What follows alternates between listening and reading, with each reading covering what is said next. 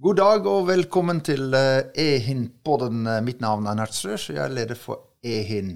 Eh, I dag skal vi snakke med Ole Johan Borge, og han er så mye som direktør helseforskning og helseinnovasjon i Norges forskningsråd. Og det har du vært ca. et år nå, eller? Ja, to. To år alt. Ja, det var kanskje den pandemien som tok eh, tiden litt raskt. Og før da var du direktør i, i Bioteknologirådet for fire år. Fortell litt om bakgrunnen din. Du er jo uh, bioingeniør. Eh, nei, ikke bioingeniør, men bioteknolog. Bioteknolog. Jeg var um, det første kullet som kom ut fra Universitetet i Oslo med det som mastergrad, som det heter i dag. Mm. Og gjennomførte mitt hovedfag da, i Nycomed-systemet, som i dag er GE-systemet. Mm. Og jobbet med litt artig i dag, for nå vet jo alle hva PCR er. Mm. Det visste man ikke i uh, 93-94. Da var det en helt ny metode. Mm. Og jeg var blant de første i landet som, um, som, tok den metoden i bruk og gjorde den kvantitativ, da, som i dag er helt rutine. Ok, ja, Så du var litt i forkant av pandemien, covid-pandemien og tilrettela at vi kan bruke gode testmetoder? Ja, og etter etter mastergraden så var jeg veldig opptatt av å reise si, internasjonalt. Jeg var opptatt av å få luft under vingene, og endte opp da i eh, USA på et privat kreftforskningsinstitutt hvor jeg var eh, to år. Mm -hmm. Og eh, mens jeg var der, så startet Sverige en storsatsing på genterapi. Mm. Og i forbindelse med det så måtte de rekruttere miljøer som var gode på stamcelleforskning, som var det jeg drev med. Mm. Og da ble vi Hele laboratoriet som jeg jobbet i, ble rekruttert til Lund i Sverige, hvor jeg var i tre år da. Okay. Og da flyttet de tilbake til Norge etter det? Ja, etter endt eh, doktorgrad så, så sto valget mellom om man skulle ta, fortsette en karriere internasjonalt, mm. eller om man skulle tilbake til Norge. Og eh, da valgte vi Norge. Litt fordi at vi trivdes så godt i utlandet, men likevel ønsket å ende opp i Norge. Og på et eller annet tidspunkt så måtte vi rive av det plasteret. Mm. Eh, da hadde vi vært i utlandet da, totalt sett i fem år da, før vi kom til Norge. og da mm startet jeg i det som i dag kalles Bioteknologirådet. Først som sivilarbeider, og så ble jeg ansatt og gikk eh, hele veien karrieremessig i rådet, da. Mm, og til slutt ble du da sjef eller direktør for den administrative delen i Bioteknologirådet. Mm. Eh, og så er du også på si er du også bonde, eller i hvert fall du har et småbruk. Ja, det er en, eh, en, aktiv hobby som jeg har, som jeg har stor, stor glede av. Det krydrer hverdagen på mange måter. Mm. Det å være, bruke hodet når du er på, på, jobb på kontoret, men kroppen har jo ikke fått brukt seg, og når du da kommer, kommer hjem, så er det jo å skifte fra, fra, fra dress til kjeledress. og eh, ta på eh, liksom, hverdagsbunaden, om du vil, da. Og, mm. og, jobbe noen timer som bonde. Og eh, har 300 eh, mål drøyt med korn, så det er ikke all verdens i dagens landbruk. men eh, men det er nå litt, faktisk. Så, så det, litt jobb å, å, ta seg av uh, underveis. Mm, imponerende, det. Um, og, og, og, det Jordbruk har jo en rivende utvikling også når det gjelder uh, bioteknologi og, og, data og bruk av, uh, av moderne nye utviklinger. Um, har du kommet så langt til å ta det i bruk på ditt eget småbruk, eller? Ja, det vil jeg si. Jeg vil uh, til og med ligger en bit foran mange av mine eh, kollegaer på det området. Vi har en uh, traktor som styrer seg selv, og vi har tresker som styrer seg selv. og Nå håper jeg vi kommer i gang med å gjødsle basert på GPS-kart og, og satellitt, med satellittinformasjon. Så det er okay. relativt avansert. Landbruk er ikke noe um, det er ganske høyteknologisk blitt, faktisk. Absolutt, det må jeg si. Mens de fleste syns at det er fremoverlent å ha en selvstyrt uh, støvsuger. Har du en selvstyrt uh, traktor? Det, ja, det, det, er bra. Men uh, det, det, er ikke det vi skal snakke om i dag. For vi skal snakke om helse og helsedata, og ikke minst rollen til, til forskning i Norge. Um, Forskningsrådet jobber jo med, med, en kartlegging av potensialet for økt samhandling med helsenæringen og instituttsektoren i Norge. Eh, veldig kort, hva er, hva er, For det første, hva er Forskningsrådet, og hva er eh, tanken bak denne rapporten? Mm. Eh, først litt om eh, Jeg leder avdeling for helseforskning og helseinnovasjon. og Det en, eh, er en nyskapning i Forskningsrådet, i den forstand at I samme avdeling så har vi ansvar for alt fra grunnleggende forskning, helt basal akademisk forskning, via anvendt forskning til innovasjonsprosjekter. Så vi har hele, om du vil, verdikjeden fra grunnleggende til anvendt og innovasjon. Og det er en ganske stor portefølje. Vi, I 2020 så investerte vi 1,8 milliarder kroner i helse fra Forskningsrådet alene. Okay. I over 1200 prosjekter, aktive prosjekter. Så det er en stor portefølje. Det kan du si. Det er mye penger. Det er, eh, det er mye penger. Det er ikke si, Det jobbes med helse på mange områder i Forskningsrådet, ikke bare i min avdeling, men vi har ansvar for en stor del av, eh, av det. Og i tillegg til det så kommer jo EU Eh, prosjekter som vi også har ansvar for, og SkatteFUNN. Og så i sum så er det mange, mange, mange hundre prosjekter som er aktive hvert eneste år. Jeg gjorde en liten opptelling før jeg, eh, før jeg kom hit. Og på helsenæringssiden så har vi 200 eh, prosjekter løpende hvert eneste år. Og okay. det er nok ikke så mange som kjenner 200 bedrifter. Nei. I nest, ikke minste detalj, men i ganske stor detalj og har dialog med disse gjennom, gjennom året. Og I tillegg så kommer 540, eller delvis inkludert, men vi har også 540 SkatteFUNN-prosjekter som vi følger, følger, opp hvert eneste år. Okay. Så Forskningsrådet har eh, i sum god innsikt i hva som skjer i helsenæringen i Norge. Mm, det er interessant. 200 prosjekter. Det høres ganske eh, bra ut. For det, alle de prosjektene er i Norge. Er det også noen som uh, crossborer med andre land, eller er det, det rene norske prosjekter? Eh, støttemottakere er norsk, men mm. i svært mange av disse så er det internasjonale partnere. Okay. Jeg har ikke med de tallene her, men den andelen er ganske stor. Ja. Eh, norsk både helseforskning og helsenæring er i stor grad en internasjonal næring som vi, vi alle vet, men det ser vi også i våre tall. Så, så, det er en veldig eh, Der er vi godt posisjonert.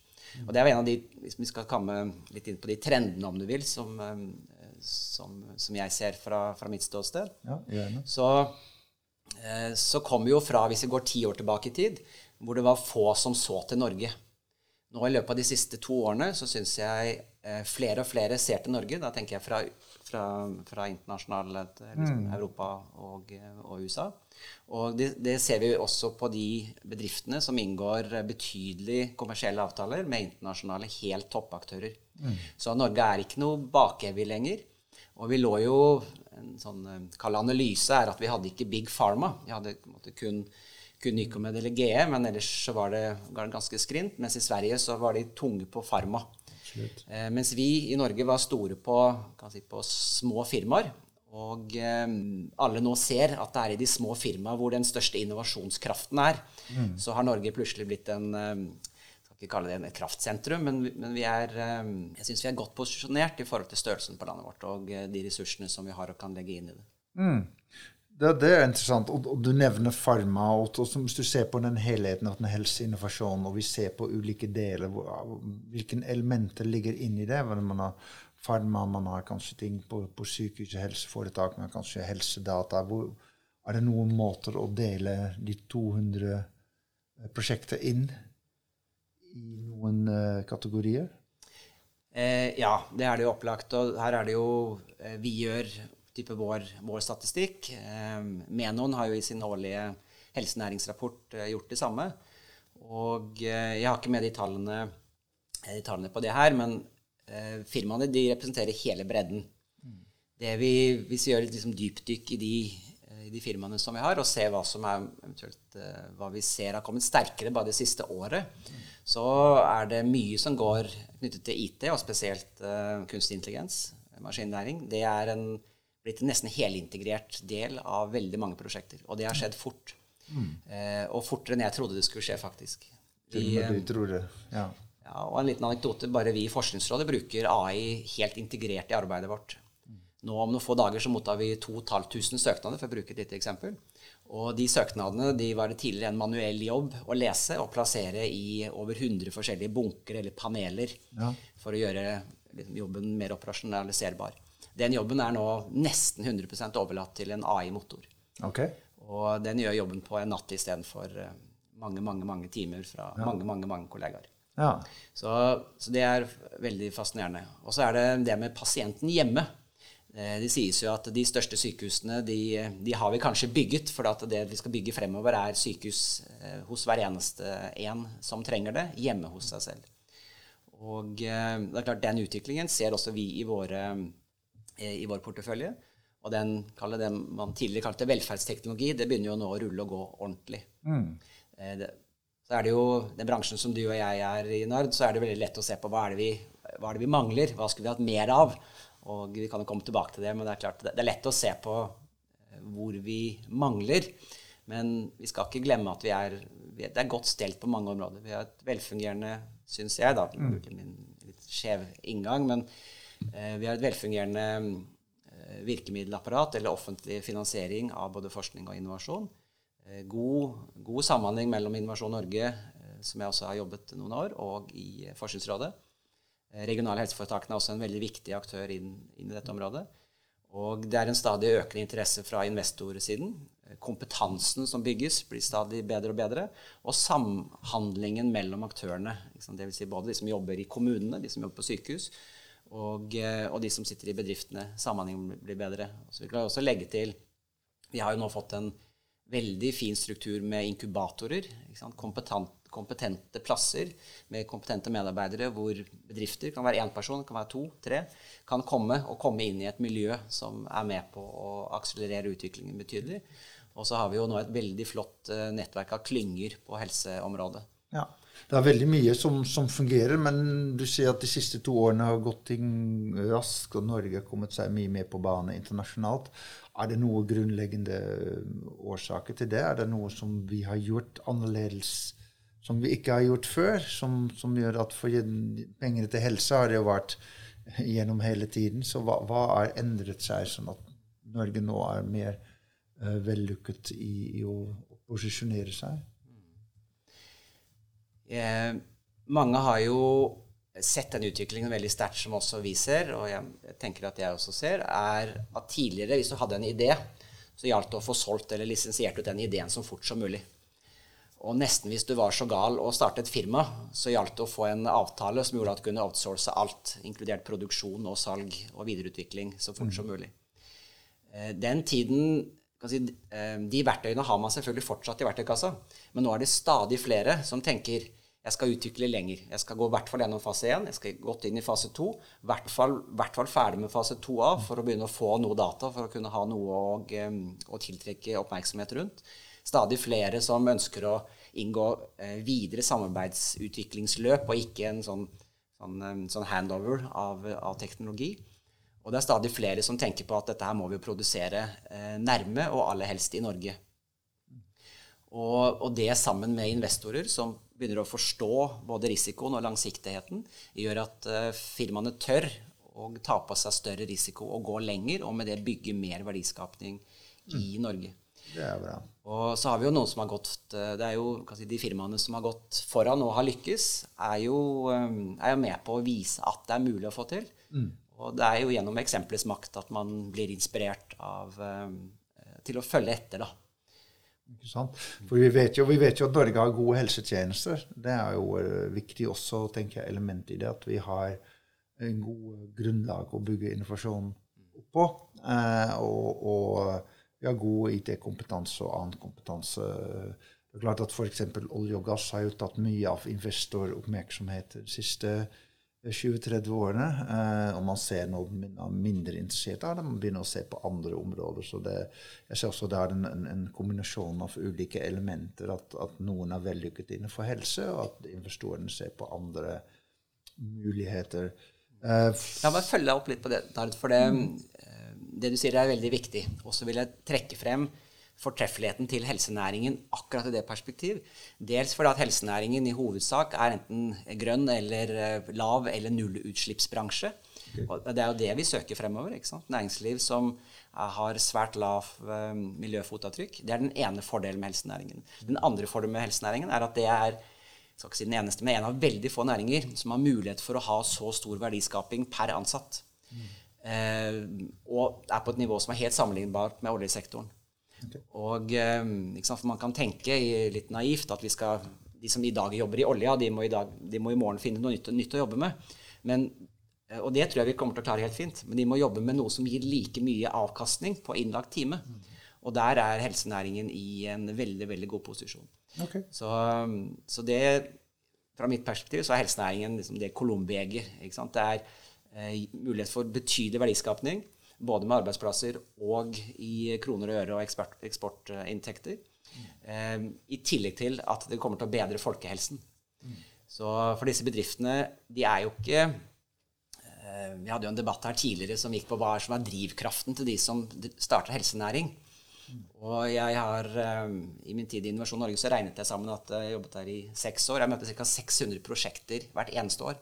Mm. Så jeg har snakket med mange gründere.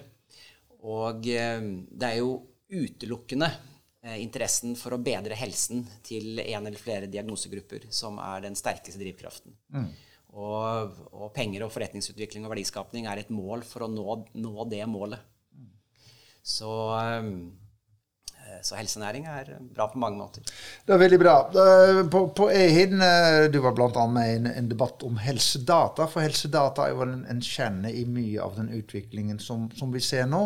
Eh, og, og, det er et tema som vi eh, i Norge snakker mye om. Eh, man er ikke alltid er eh, klar over om man har forstått hva som ligger i helsedata, hva man kan gjøre med dem, og hvordan man skal håndtere dem. Uh, Kjetil Widerberg fra Oslo Cancer Cluster, som var med på én, sa jo at bedre helsedata vil revolusjonere måten vi oppdager og behandler sykdommer på. Så det er ganske mm, revolusjonere. Vi har jo en ganske utvidet og, og stor kunnskap om helse, så hvis den skal revolusjoneres, det betyr det at vi står foran ganske store omveltninger. Uh, jeg vet ikke hvordan du ser på det?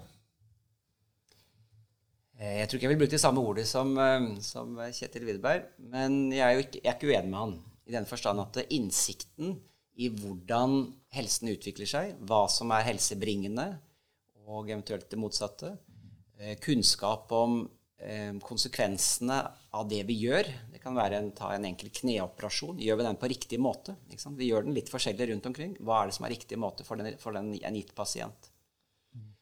Og og helsedata er jo det verktøyet som gjør at vi kan ta pulsen på helsetjenesten. Og den pulsen den kjenner vi ikke i dag. Eller i hvert fall å si at vi kjenner den i for liten grad. Mm. Vi har ikke god nok eh, følelse, eller vi har ikke god nok eh, Fingeren ligger ikke tett på pulsen. Tett nok på pulsen til helse, helsetjenesten. Vi klarer ikke å fange opp eh, hva som er beste måte å jobbe på. Eh, og å fange opp utviklingstrekk eh, tidlig før de på en måte blir veldig, veldig åpenbare for alle. Eh, samfunnet bruker enorme summer på helsetjenesten. Ja. Pluss at dårlig helse er veldig ødeleggende for den enkelte som har det. Ja, og pårørende rundt den. Absolutt. Så det er store, store verdier vi, vi snakker om, og, og, det er også spørsmål da, for du sier vi vi føler ikke på pulsen. og Vi kanskje vi gjøre det, men det er mange data vi ikke tar med oss. F.eks. bokstavelig pulsklokker de forsvinner. ikke sant? Så det er mange helsedata som fins. Det, øh, er jo en økende mengde av helsedata. Og Spørsmålet er hvordan og hvem fanger den verdien, og hvordan skal vi ta den i bruk. Og Det var kanskje det nettopp Forskningsrådet er, øh, har en, en rolle i å svare på det spørsmålet. Jeg vil i hvert fall si sånn at Helsedata er særdeles viktig for Forskningsrådet. Og eh, Grunnen til det er jo fordi, som vi har vært innom, at verdien av helsedata, eh, gitt at de kan hjelpe oss i å både skape bedre helse og å levere bedre helsetjenester. Det er jo sånn bare 1 eh, bedring av folkehelsen skråstrek av helsetjenesten er jo enorme summer. Absolutt. Så hvis vi gjennom bruk av helsedata kan bedre helsetjenesten med 1% per år, så er jo alle investeringene vi snakker om, er jo um, veldig beskjedne beløp i, forhold til, eh, til, det. Helt konkret så er jo vi opptatt av at uh, forskerne skal ha god tilgang til helsedata. Og vi har jo fantastiske kilder gjennom våre helseregistre, kvalitetsregistre og biobanker, de tre kildene i særdeleshet, som brukes altfor lite. Jeg gjorde Det er riktignok noen år siden nå, så jeg er litt stygg mot de som sitter i helseregistrene, men jeg gjorde, leste for noen år siden um, gjennom måte, starten av årsrapportene til noen av de store helseregistrene. Og de fokuserte nesten all plass på data inn. Mm. Eh, fokus for oss er bruk av data, eller data ut. Ja. Og, eh, og, det er jo der også jeg tenker mange av de som leverer data inn til disse registrene, eh, kjenner på en litt frustrasjon. Hvorfor skal jeg levere disse dataene hvis de kanskje ikke brukes så godt som de kunne vært brukt? Ja. Og Det er grunnen til at Forskningsrådet har investert over 200 millioner kroner i å få et godt system for å samle helsedata og dele det ut til forskning. Men ikke bare forskning. Vi er også opptatt av at helsetjenesten selv skal ha, ha tilgang til data. Mm. Fordi eh, den grensen mellom hva som er si, regulær monitorering av virksomheten på ene siden og forskning på den andre, den sklir veldig fint over i hverandre. Så det er, de 200 millioner, snakker da om helseanalyseplattformen eller også andre investeringer? Ja, det er helt konkret til helseanalyseplattformen. Ja. Mm.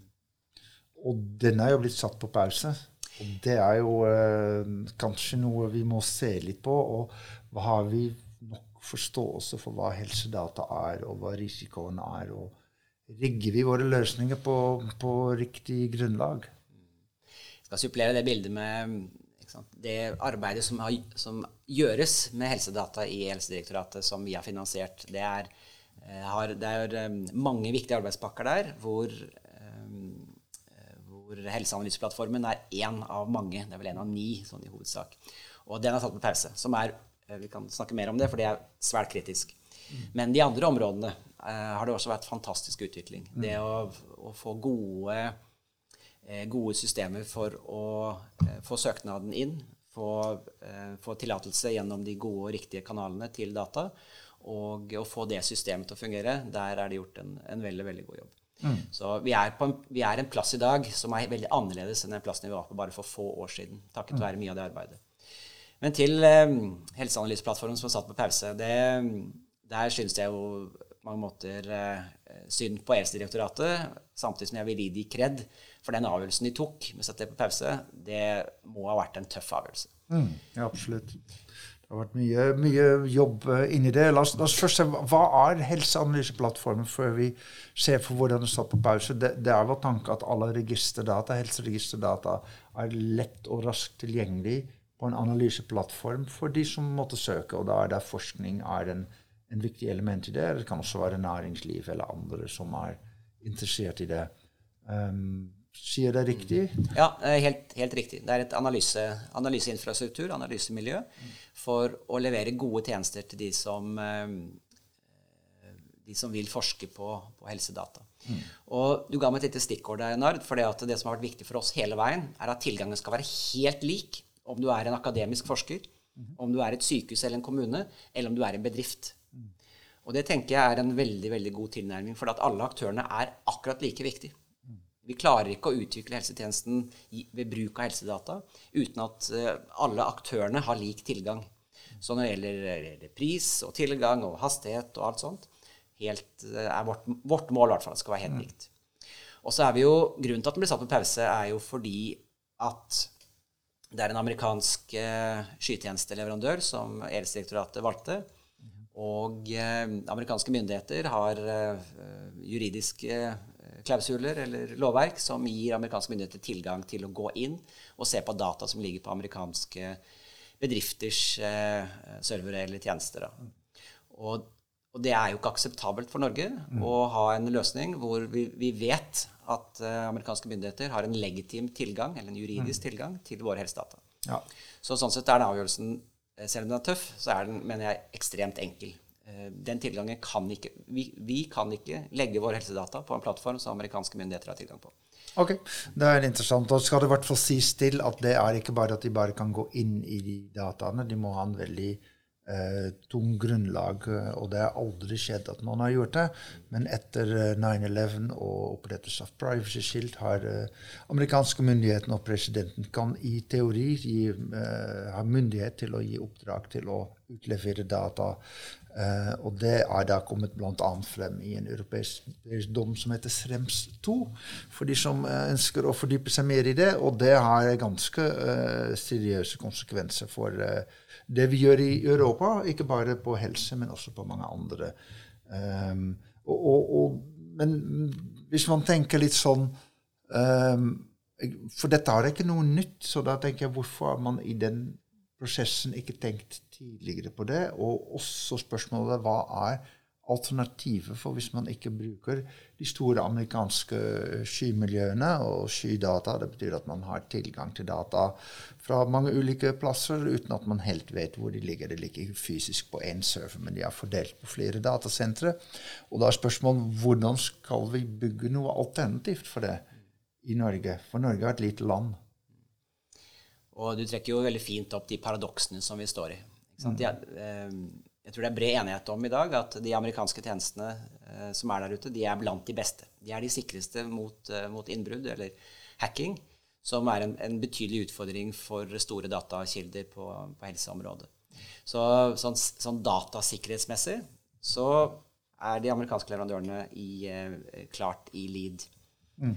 Og eh, så, sånn sett så Hvis man tar en sånn pragmatisk tilnærming, så er det antageligvis bedre å ha dataene på en amerikansk eh, plattform.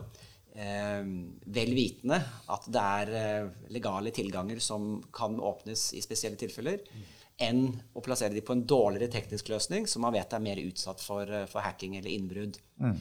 Men for en en statlig etat Nå du bør du invitere Helsedirektoratet, slik at de kan komme og snakke om eller forklare det selv. Mm. Men for en statlig etat så tenker jeg det er, det er, ikke akseptabelt å legge data på en plattform hvor man vet at den, den tunnelen eller kanalen kan åpnes. Mm. Så for meg er det såpass enkelt. Mm. Ja. Og, og, så er det da spørsmålet som stiller hva er alternativene? Ja. Og eh, de må jo mobiliseres eh, nå. For det at eh, fra mitt perspektiv, fra forskningen og innovasjonens side, så eh, så for hver dag som går, ehm, er jo med på å hindre at vi får den gevinsten som vi, vi vet. Mm. Ehm, I hvert fall vi har store forhåpninger om at vi skal få til. Sånn helt konkret mitt, når vi gjør våre prioriteringer på hva vi skal lyse ut midler til, så, så, er det helt unaturlig for oss nå å plassere eh, de store, tunge investeringene inn mot helse, helsedataområdet, som vi gjerne skulle ha gjort, spesielt på innovasjonssiden. Okay. Fordi at infrastrukturen er ikke på plass ennå. Hadde infrastrukturen vært på plass, så hadde, vært en helt annen, da hadde vi gjort en annen vurdering rundt det. Så, mm. så, sånn sett så kanaliserer vi nå forskningsmidler i andre retninger enn vi antageligvis ellers ville gjort siden den strukturen, analysestrukturen ikke er på plass. Og dere snur dem da vekk fra helsedata i, mer i andre retninger?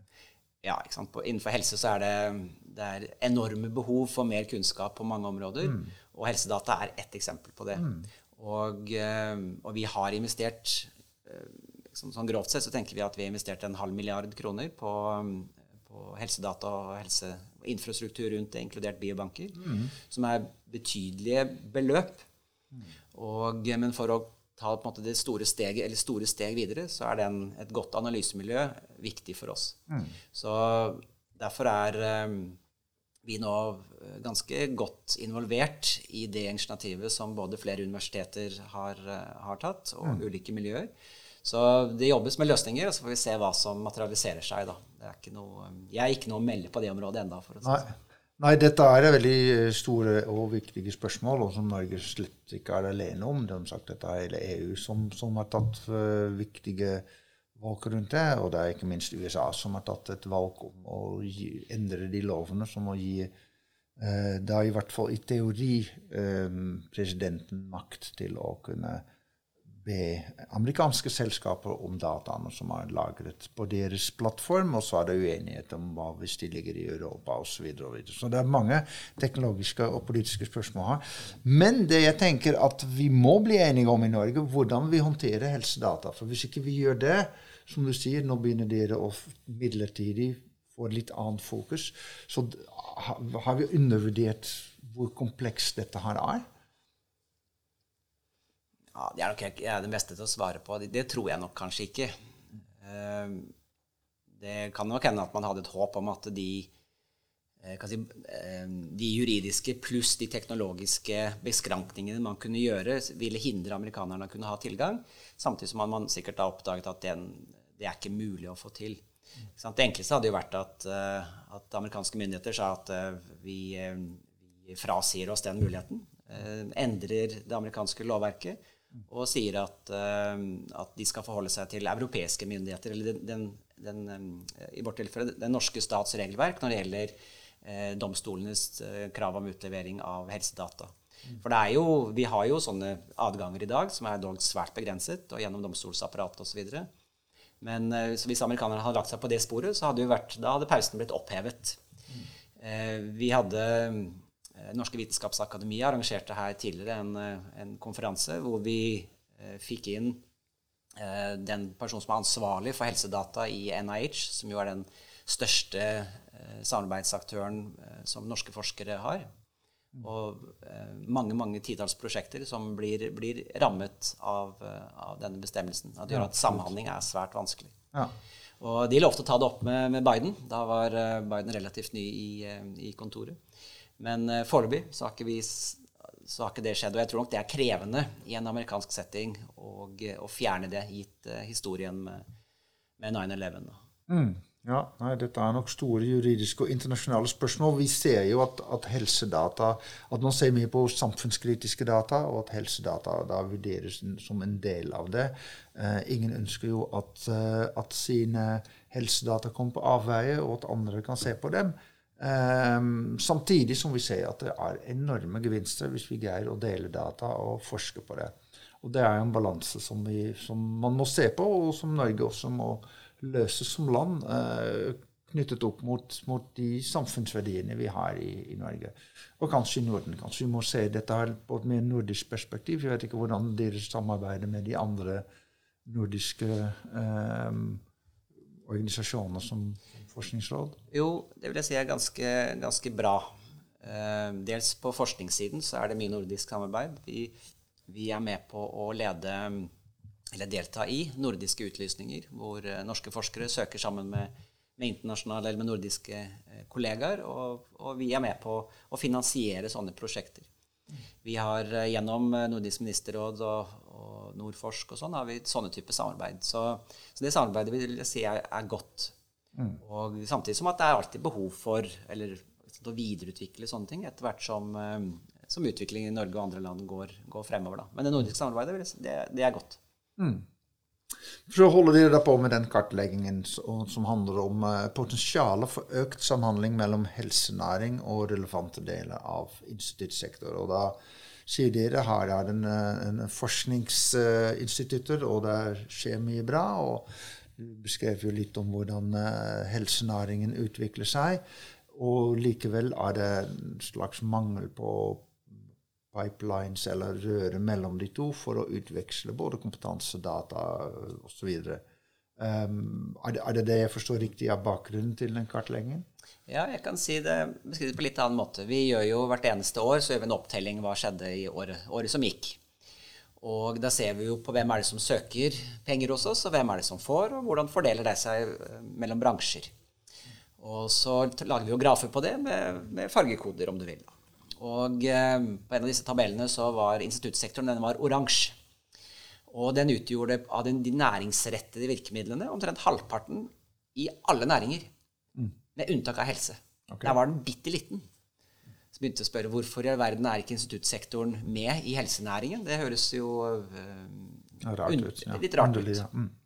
Og uh, det var bakgrunnen for at uh, det både ble skrevet inn i helsenæringsmeldingen, som Helse- og omsorgsdepartementet og Nærings- og fiskeridepartementet skrev sammen. Og uh, det var bakgrunnen for at vi fikk et oppdrag fra Nærings- og fiskeridepartementet om å se nærmere på det. Både finne ut hvorfor er det sånn, og eventuelt er det tiltak som kan gjøres. Mm. Og i det arbeidet da, så snakket vi da med, med flere, flere, av de instituttene som er relevante for helse, helsenæringen, og flere mm. bedrifter og klynger. og og andre sentrale personer da, for liksom å bore inn hvorfor er helsenæringen så annerledes enn tilnærmet alle andre bransjer. Har dere fått noen, noen svar i en, en, eller annen retning? Ja, det vil jeg si at vi har fått. Eh, det er jo et sammensatt bilde, dog. Men eh, vi kan ta noen konklusjoner. For det første så Instituttene er veldig forskjellige. Si, det vi snakker om av institutter her, kan typisk være eh, Sintef, og Sintef er i en særstilling. Hadde de andre instituttene vært som Sintef, så hadde ikke den skjevfordelingen mellom helse og de andre bransjene da hadde ikke den vært til stede. For det er Sintef som står for ca. 90% tenker jeg, av de prosjektene som har instituttpartnerskap eller deltakelse, så er det Sintef som står bak det. Mens eh, Folkehelseinstituttet, eh, NORSE, eh, IFE, som eksempler på andre institutter, har veldig veldig få prosjekter hvor de er i samarbeid med næringslivet. Og eh, en av årsakene er såpass enkel at det er for lite samsnakking. Det finnes jo masse møteplasser. Eh, mhm. Klyngene som vi nevnte i stad, er gode på å arrangere møteplasser. Men veldig veldig sjelden du der møter aktører fra Norse, fra IFE, eh, fra mhm. Folkehelsa, for å diskutere mulig næringslivssamarbeid. Mm. Så Derfor oppfordret vi begge aktørene til å bli flinkere på dialog. Ja. Og det har vi jo sett, og det er nesten litt sånn rørende, men bare gjennom den prosessen, at vi har hatt flere felles møter, så begynner den dialogaktiviteten å ta seg betydelig opp. Så er det et annet forhold som, eh, som noen instituttene har kjent på, er at de på den ene siden blir oppfordret til å ha næringslivssamarbeid, mens de på den andre siden får oppdrag fra myndighetene. Mm. Og det kan være oppdrag Ta folkehelse som et eksempel. De er ansvarlige for å kjøpe inn vaksiner. De er en innkjøper. De er ansvarlige for å lagre vaksiner. Eh, og, og, og, dele ut. Og da å inngå et Og det på ene siden med myndighetshatten på. Mens de på den andre siden blir oppfordret til næringslivssamarbeid. Og da kan man jo tenke eh, at det er vanskelig å, å ha et næringslivssamarbeid med en vaksineutvikler, f.eks. For, eksempel. for habilitet er eh, jo Der må vi trå rett. Ja. Så den eh, viktigheten av å gi eh, spesielt Norse og Folkehelseinstituttet trygghet i fra departementenes side at eh, hva, som en, en, en, um, hva, som er gode eksempler på godt næringslivssamarbeid. For som helsedata, som, eh, mm. som, du og jeg brenner for, så er folkehelsa er jo et kraftsentrum. Mm. Sitter på, på enorm kompetanse på helsedata. Og eh, jeg tror at vi vil aldri få en en så god um, innovasjonsaktivitet på helsedata uten, for, uten et aktivt folkehelseinstitutt. Okay. Så, så den, den, Det må vi jobbe med. For, for man har jo da en, en, en, forsker skal liksom tenke nøytral og være ute etter et, uh, å finne resultat på ganske objektive grunnlag, mens næringsliv gjerne vil, vil utvikle noe som gir dem penger og, og produkter. Og det er jo en litt ukomfortabel ekteskap mellom de to. Men du sier at i mange andre områder er det uh, mye mer vellykket. Er det fordi helse er så følsomt at det er vanskelig uh, på dette området? Du, for på EU nevnte du noe at vi må skape en innovasjonskultur. Da tenker jeg det burde jo egentlig være på, på, på helse naturlig å ha en innovasjonskultur. Først jeg vil si at På helse så har vi i stor grad en god innovasjonskultur rundt på universitetet og høyskolene våre og sykehusene. Det foregår, eh, Jeg sitter jo i den liksom tidlige enden og ser, ser, at det bobler og koker. Og, nå, og jeg syns vi skal um, fremsnakke den innovasjonskulturen som vi har på de store forskningsinstitusjonene våre. Den er, den er god. Det er nesten sånn at uh, hvis jeg skulle ønske meg noe, så er det i hvert fall ikke flere ideer, men kanskje litt større og sterkere, om du vil. At man, man fokuserer mer. Så innovasjonskulturen jeg, den kan alltid utvikles, men den er, den er ikke dårlig. Men på helsedataområdet der er det et større lerret å, å, bleke. Og der vil noen av instituttene våre sitte, de sitter på mye kompetanse som kan brukes. Og det er jo ikke eh, Jeg tenker eh, Det er på en måte åpenbart at en bedrift eh, må tenke kommersielt fra dag én. Men også fordi at Formålet med den bedriften er jo ofte at man skal skape data som kan gi en bedre helsetjeneste.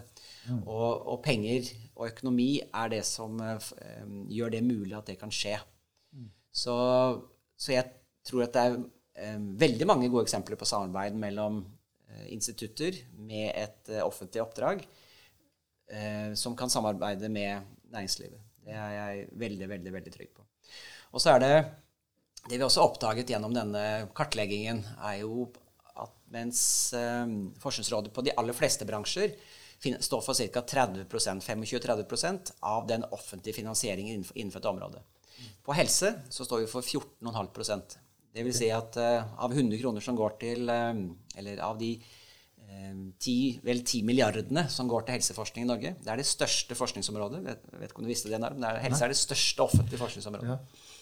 Og, og bare 14,5% av de går kanalisert via Forskningsrådet. Okay. Og det er midler som er relativt godt eller lett tilgjengelig for instituttene.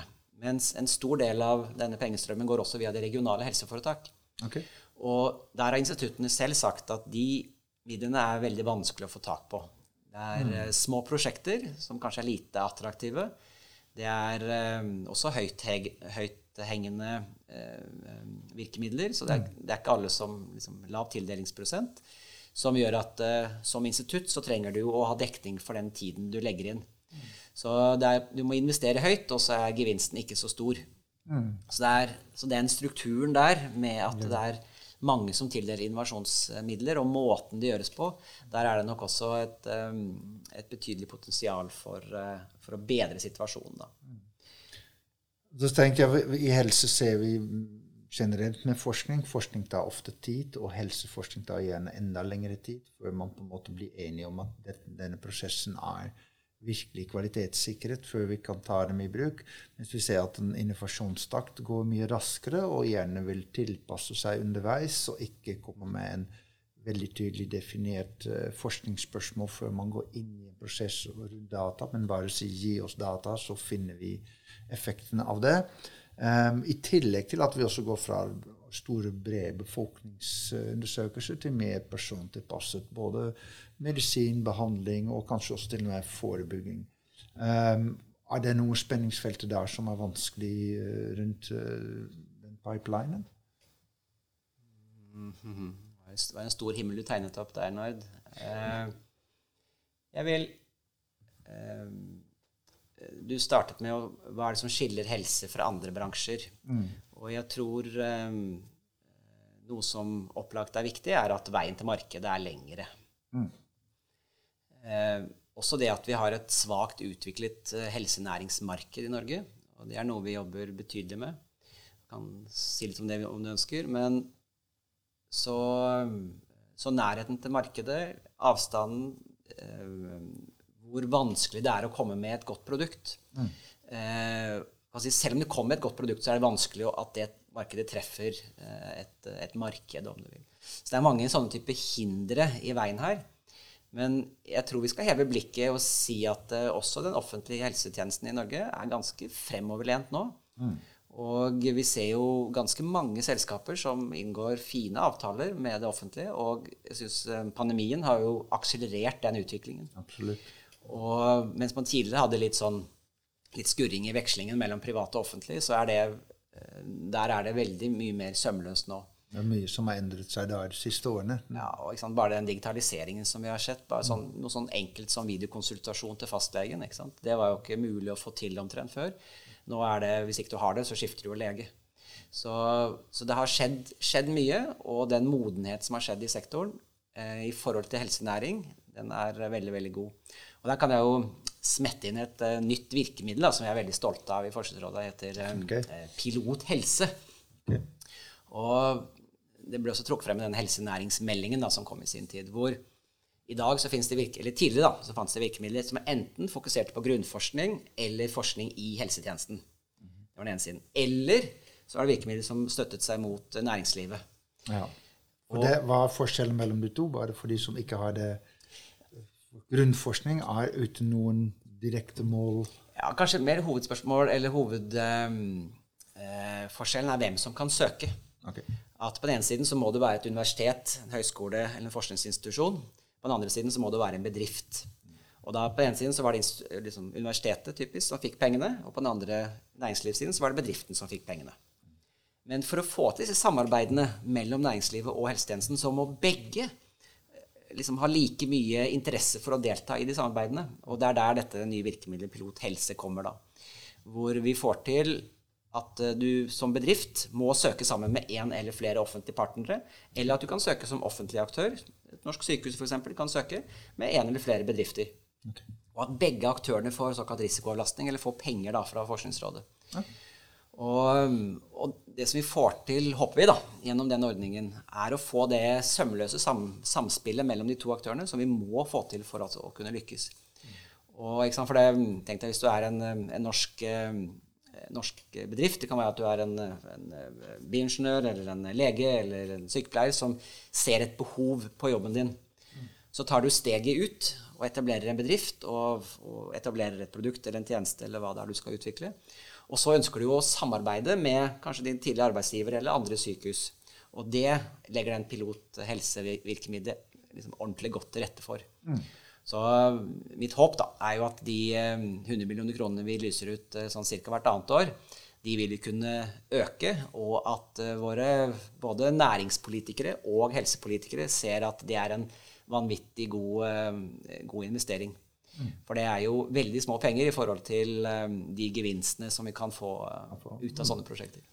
Ja, for det er ingen tvil om at når man tenker på persontilpasset medisin, persontilpasset forebygging, oppfølging av f.eks. ernæring, trening osv., og, bruke datadrevne systemer rundt det um, Ikke minst også Du nevnte videokonferanse. Det er også en bærekraftig uh, element i det. På reise og en del andre ting. At det er veldig mye å, å hente ved å få mer, flere løsninger som er databasert. Mm. Ja da, uomtvistelig. Og det er jo her, siden du har jo din bakgrunn fra IT-siden, IT og helsedata er jo um, For det første så Man må nesten slutte å snakke om helsedata, for at helsedata er helse. Du kan ikke ha en helsetjeneste uten helsedata. Så helsedata er helintegrert i en, i en moderne helsetjeneste. Og, og, men for at det skal fungere, så er det jo IT som er, er den muliggjørende faktoren.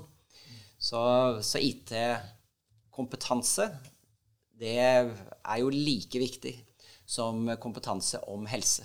Man, man, kan ikke ha det ene eller det andre, man må ha begge deler. Eventuelt i et team da, så må begge deler være på plass. Så, og, og, det er jo de IT-utviklingene på IT-siden som har drevet denne utviklingen mer enn at vi samler inn andre typer data nå eller, eller, eller sånne ting. Så IT-utviklingen er jo en sterk driver av helsetjenesten. Du, du, nevnte at, Norge var jo et, et, et relativt lite land på, på, helseforskning og helsenæring eh, før, sammenlignet f.eks. Med, med Sverige og andre store. Eh, men vi har vært veldig flinke og store på, på, olje og gass og teknologien rundt det. Ser du en utvikling hvor Norge kan ta en, en lignende rolle eh, rundt helse og helsedata, ta i bruk helsedata, som vi tidligere har gjort med olje og gass? Eh, jeg er sånn generelt litt forsiktig med den olje og gass, liksom parallellen, for den gir noen sånne bilder som jeg tror ikke er eh, helt gode. Men hvis vi tar inngangen din, så tenker jeg jo at Eller vi vet jo alle at vi har et A, vi har et offentlig helsetjeneste. B, alle, tilnærmet alle har tillit til den helsetjenesten.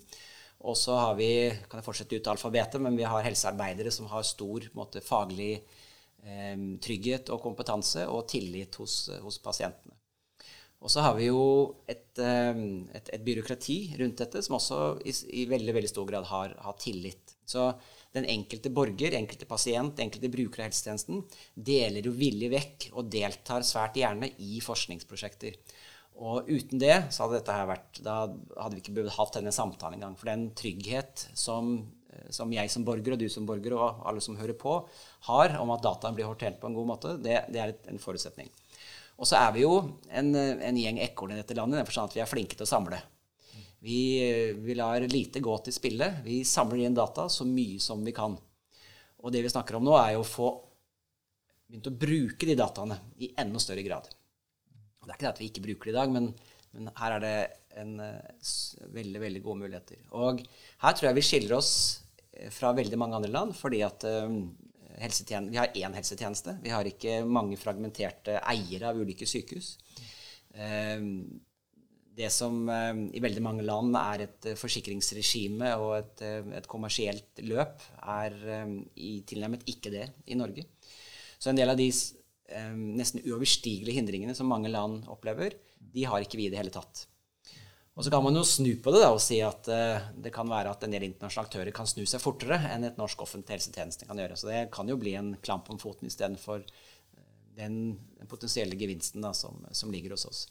Men også det at vi har, uh, vi, vi har mye på plass allerede. Si, for å bruke den oljeanalogien din, reservoarene de er der, og de er ganske fulle. Så nå gjelder det å få eh, pumpeteknologien til å, til å gå og fungere på, på, helseområdet. Ok, og helseanalyseplattformen, når kommer den i gang igjen? Mm. Nei, jeg håper at vi er ganske fort på ballen. Ja. Vi har jo, må ikke glemme at uh, helseanalyseplattformen skulle ikke være en, en, um, uh, en uh, den eneste plattformen man kunne analysere helsedata på. Vi har jo, De store universitetene våre har jo veldig solide analyseplattformer som har vært i drift uh, i flere år. Og, uh, og, det bygges jo nå f.eks. i, uh, i Midt-Norge rundt den nye helseplattformen som de har som nytt journalsystem. bygges det nye, nye strukturer. Så, så, vi har mye. Så nå gjelder det nok tenker jeg, å få ha de miljøene som allerede fins, til å se hvordan vi kan, kan sammen bygge de sterkere, slik at de kan bli det kraftsentrumet på det å analysere helsedata som eventuelt vi ikke nå har klart å få til, i hvert fall i første runde, da, med en helseanalyseplattform da, via E-helsedirektoratet. Vi håper vi får raskt fart på det og kan bruke det gullet vi har i, uh, av norske helsedata. Ole Johan Borge, direktør helseforskning og helseinnovasjon i Norges forskningsråd. Takk for at du var med oss i dag, og takk for denne postkassen. Selv takk.